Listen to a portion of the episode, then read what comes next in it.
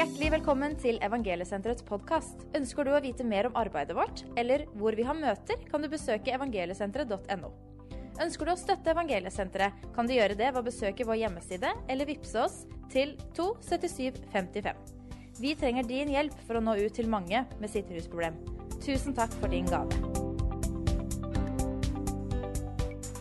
Av nåde er dere frelst ved tro, innleda Pål André her med i dag. Og det har jeg tenkt til å fortsette litt på. Dette med tro, fordi at uh, ofte så er det et misforstått eller redusert begrep på norsk. Og av, erfaring så vet jeg det, at det går an å tro uh, på at det fins en gud uten egentlig å være født på ny. Og for meg så var begrepet tro redusert til å ha en mental bestemmelse om at Gud fantes, og at Jesus hadde dødd for verdens synder. Men det fikk ingen konsekvenser for livet mitt. Jeg blei ikke rusfri av det. Eh, for jeg hadde et alvorlig rusproblem på slutten av 90-tallet eh, og begynnelsen av 2000. Og for meg så var det da ikke noe problem den gangen. For jeg tenkte at jeg hadde det moro. Eh, men uansett, midt oppi all den galskapen så begynte Gud å kalle på meg i 2001. Og jeg kom til tro på Gud i 2001, men jeg ble ikke født på ny før i 2006. Og i disse fem åra så blei min situasjon verre og verre. Og det gudsbildet mitt, det var helt uh, skakkjørt. For uten Den hellige ånd og det at vi blir født på ny, så kan vi ende opp med et eh, litt merkelig gudsbilde. Og den tilstanden jeg var i de fem åra, så tenkte jeg på Gud som en fjern kraft. Jeg tenkte på Jesus som et menneske lik meg, som var utvalgt da, til å dø for alles skyld. Det var jo ikke jeg, men det var han. Og Den hellige ånd han hadde jeg faktisk ikke hørt om. Eh, og det var et forferdelig trist kristenliv. Jeg lagde meg et bilde av Gud ettersom som passa inn i min situasjon. Da, inn i mitt liv. Også fordi jeg mangla Den hellige ånd, åpenbaringens ånd, eh, til kunnskap om Gud. Så Gud han var hjemmesnekra eh, i den tida der. Og jeg var som Israel i ørkenen, der de lagde seg en gullkalv. Og de sa 'dette er Gud, la oss tilbe ham'. Uh, og jeg blei jo ikke født på ny mens jeg holdt på med rus. Uh, og samtidig lagde da en smæla religion som ikke ligna noen ting. Men så skjedde det uh, våren 2006 at jeg satte fyr på den siste broa som jeg hadde i livet mitt etter at jeg hadde sona en dom i Sandefjord fengsel rett før nyttår i 2005 og skulle slippe ut i påsken 2006. Da hadde jeg klart å holde meg rusfri under soning. og jeg kjente det at jeg hadde lyst til eh, å være rusfri. Eh, så jeg eh, planla at jeg skulle få et godt liv etter den soninga.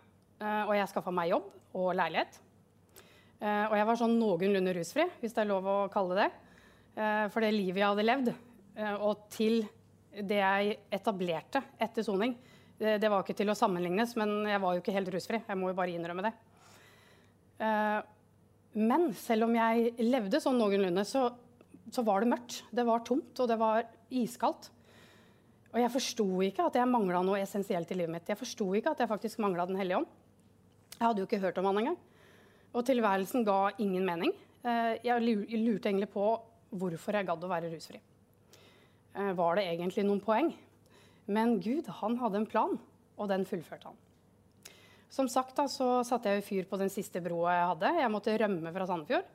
Eh, fra jobb og hjem. Og jeg stakk til Karasjok. For jeg var så heldig at jeg hadde en far som jobba på evangeliesenteret i Karasjok. Og lite ante jeg hva som venta meg der. Der fant jeg fort ut at gullkalven, den passa ikke. Eh, jeg husker jeg fikk kjeft av pappa eh, fordi jeg hadde lagt en bunke med tarotkort på kontoret hans. Eh, og etter reaksjonen hans da, så forsto jeg det at uh, det var ikke ålreit å ha tarotkort, så de kasta jeg i søpla. Jeg hadde såpass tillit til pappa at, uh, at, det gjorde jeg. Og så skjedde det der, da, i Karasjok, sånn sakte, men sikkert. Jeg har ikke noe dato på det. Eller jeg vet bare at det var i juni 2006 at jeg over tid blir født på ny under forkynnelsen av ordet på samlinger. Og det som var, eh, var, greia, da, var at jeg trodde jo jeg var frelst. Jeg trodde, eller jeg visste ikke, jeg visste ikke at det fantes en annen dimensjon. da, no, Noe mer jeg kunne få. Så jeg trodde jeg var frelst. Uh, og det var jo arbeidere der oppe som spurte om de skulle be frelsesbønn med meg. Og jeg sa bare men det trenger du ikke, for jeg er frelst. Og så sa han som nå er sjefen min, Kjetil Sterri Mørk, han sa ja, skal jeg be om at du blir åndsdøpt, da, så det blir litt fart i kristenlivet ditt. Så han, og jeg Åndsdøpt? Jeg hadde jo ikke hørt om det engang. Så den eh, svarte jeg jo ikke på. Jeg ville jo ikke det. Jeg visste jo ikke hva det var. Men der, eh, under sammenhengene, så blir jeg født på ny. Eh, og det var sånn at pappa, da, som også hadde vært en rusmisbruker i mange år Jeg hadde kun kjent faren min som rusmisbruker. Og det jeg så når han sto og forkynte Guds ord, det jeg så i han, det lyset som strålte fra øyet hans, og den kjærligheten han utstrålte, og det livet han hadde bygd opp etter å ha bodd ute på gata, på benk i Oslo, bodd her og der, eh, og levd et veldig ustabilt liv Det jeg så han hadde etablert, og jeg satt der og så tenkte jeg det han har fått, det vil jeg også ha. Og jeg, når jeg tenker tilbake, så tenker jeg at det var der det skjedde noe. At der, uten at jeg visste det, inviterte jeg Jesus inn i hjertet mitt. Uh, og jeg ble født på ny, for jeg kjente at uh, jeg er et gudsbarn. Jeg bare visste at jeg var født på ny. Og jeg fikk en ubeskrivelig dyp fred som jeg ikke ante fantes. Uh, og glede og fred og kjærlighet var det som fylte mitt indre. Og plutselig så fikk livet mening. Og jeg fikk en dyp overbevisning om at Gud var nær. Og han hadde jeg jo sett på som en person som var fjern, eller ikke en person engang. At han var fjern og hele tida noe jeg søkte som var langt der ute i verdensrommet, eller hva nå enn jeg trodde. Og jeg fikk se at Jesus, han var ikke som meg. Uh, han var ikke et menneske, født av et menneske. Uh, han var heller ikke skapt av Gud, men han var faktisk født av Gud. Uh, ergo, han var jo Gud. Altså av en litt annen kvalitet og materiale enn meg. Og det satte ting i veldig perspektiv.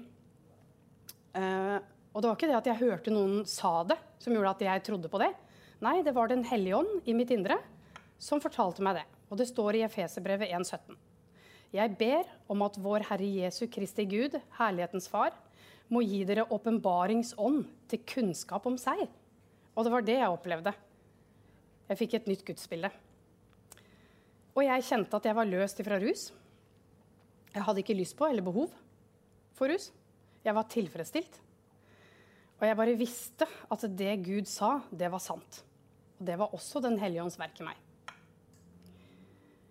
I 2. Korinterbrev 4,13 så står det Men vi har den samme troens ånd, slik det står skrevet. Jeg trodde, derfor talte jeg. Så tror også vi, derfor taler vi troens ånd. Og tro fikk da en helt ny betydning for meg. Og mens jeg i de fem eh, lange åra hadde trodd oppi her, så var jeg nå fylt i hjertet mitt med en visshet som ingen kunne ta fra meg. Det går faktisk ikke an å forklare Den hellige ånd. Han må bare oppleves. Troens ånd.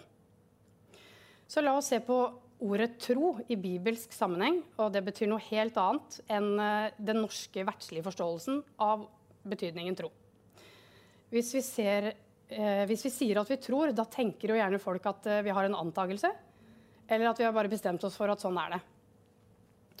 Med det nytestamentlige språket, som er gresk, eh, så er det greske ordet for tro pistis. Og det er hakket heftigere enn antakelser, for det handler om full tillit og full visshet. I Hebreerne 11,1 så står det Men tro er full visshet om det en håper, overbevisning om ting en ikke ser. Og Jesus sier, når Jesus sier 'tro på Gud, men tro også på meg', da mener han at vi skal ha full tillit. At vi faktisk stoler på Gud. For én ting vet jeg, det er at når Gud sier noe, og der hvor hans vilje er, der er også nåden til å gjennomføre det. Men vi må tørre å gå ut i det. Hebreerne 5-7 står det for vi vandrer i tro, ikke i beskuelse. Eller i det synlige.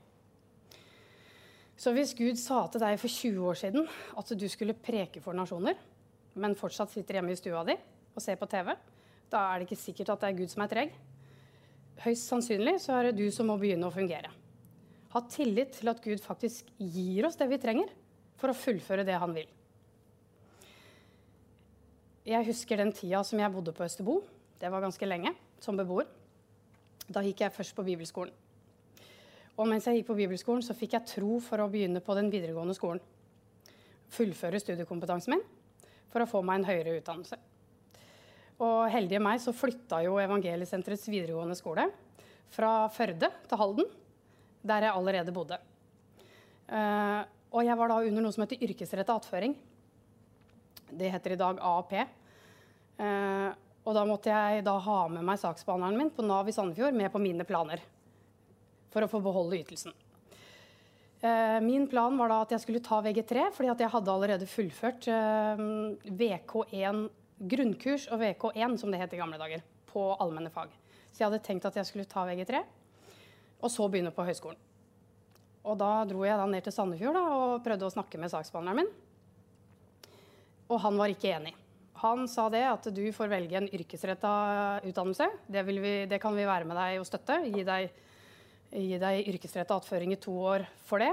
Eh, men vi vil ikke være med og støtte på høyskolen. Og da eh, bøyde jeg meg for det. Fordi jeg ville jo ikke miste ytelsen min. Så jeg tenkte ja, ja, nei, da får jeg ta, søke på kokkelinja isteden. Og det gjorde jeg. Men mens jeg gikk på kokkelinja, så fikk jeg ikke fred for at jeg skulle gå på høyskolen. Og ja, som sagt, jeg bare trykte på innvendig. Og jeg bare visste at det her er Guds suverene vilje. Så i løpet av våren det siste halvåret i andre klasse så bestemte jeg meg for å på nytt snakke med saksbehandleren min på Nav. Eh, for problemet mitt det var at jeg hadde Jeg trengte denne inntekten. Jeg hadde et misligholdt studielån fra 90-tallet. Eh, og visste at jeg hadde mista rettigheter til lån og stipend. Og da jeg da skal studere, så må jeg ha en ytelse. Og derfor så var jeg avhengig av Nav. Eh, men uansett, jeg dro ned dit og hadde bestemt meg for å overtale min veileder til å gi meg ett år til med yrkesretta attføring Uh, og så lovte jeg at jeg skulle klare meg sjøl. Eh, og jeg visste ikke hvordan jeg skulle få det til, men det var det jeg sa til At når jeg begynner på høyskolen, så skal jeg klare meg sjøl. Og tenkte da kan jeg sikkert få meg en jobb eller et eller annet. og det innvilga han. Innvilga jeg et år til. Og jeg tok da studiekompetansen. Men jeg begynte jo å søke Gud. Fordi jeg da visste at nå har jeg ett år til med penger. og hva gjør jeg etterpå? Og litt fram og tilbake. Og skal jeg ta utdannelsen på deltid og jobbe ved siden av? Eh, jeg visste jo at det kom til å bli veldig tøft. Så, og ba mye over det her. Søkte Gud. Og da fikk jeg eh, et ord når jeg søkte Gud. Fra Jesaja 45, 2-3, så står det Jeg vil gå foran deg, og bakker vil jeg jevne. Dører av kobber vil jeg sprenge, og bommer av jern vil jeg hogge i stykker.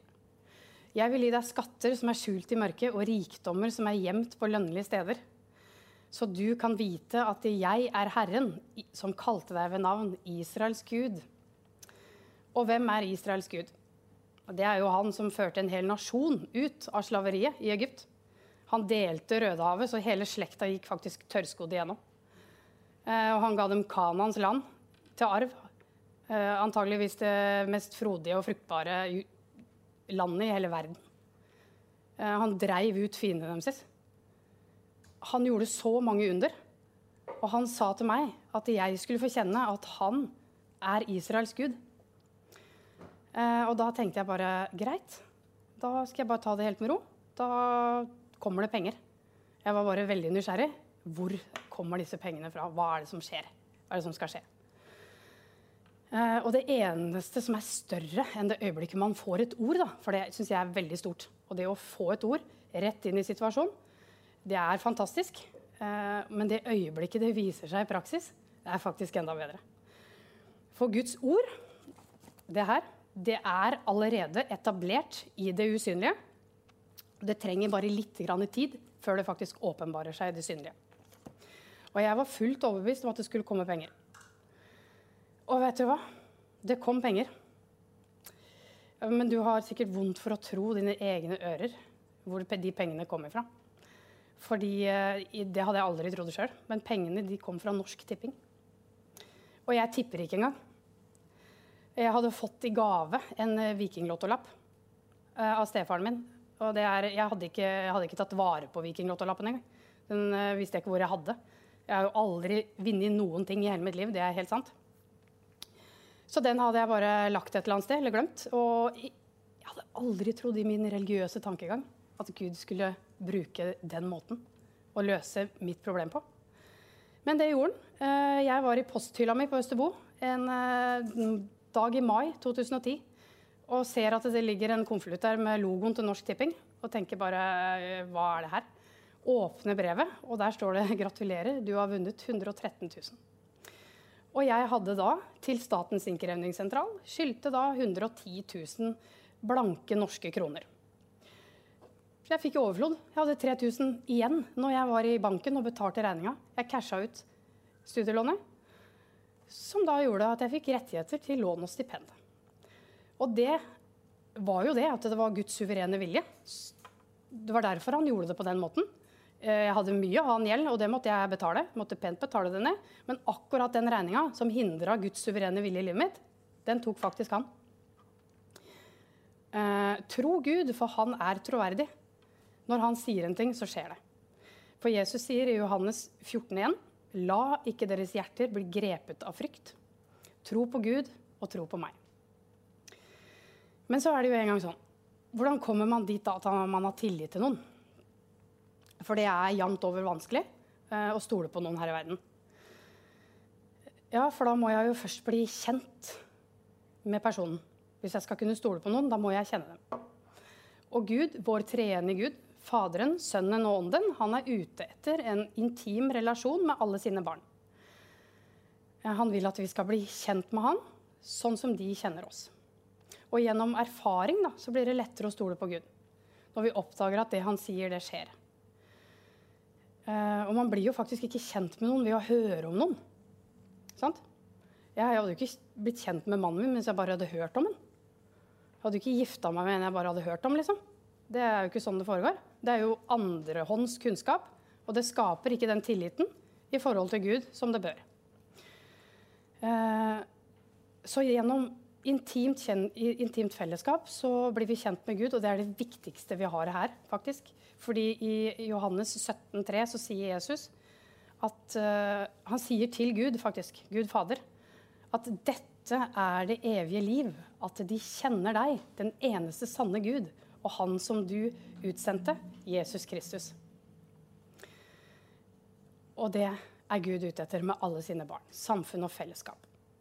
Og det er lønnen vi får når vi søker Han, at vi blir lønna med Hans nærvær. Da vil jeg gjerne avslutte med Hebreerne 11,6, som det står at for uten tro så er det umulig å behage Gud. For den som trer fram for Gud, må tro at han er til, og at han lønner den som søker ham. Amen.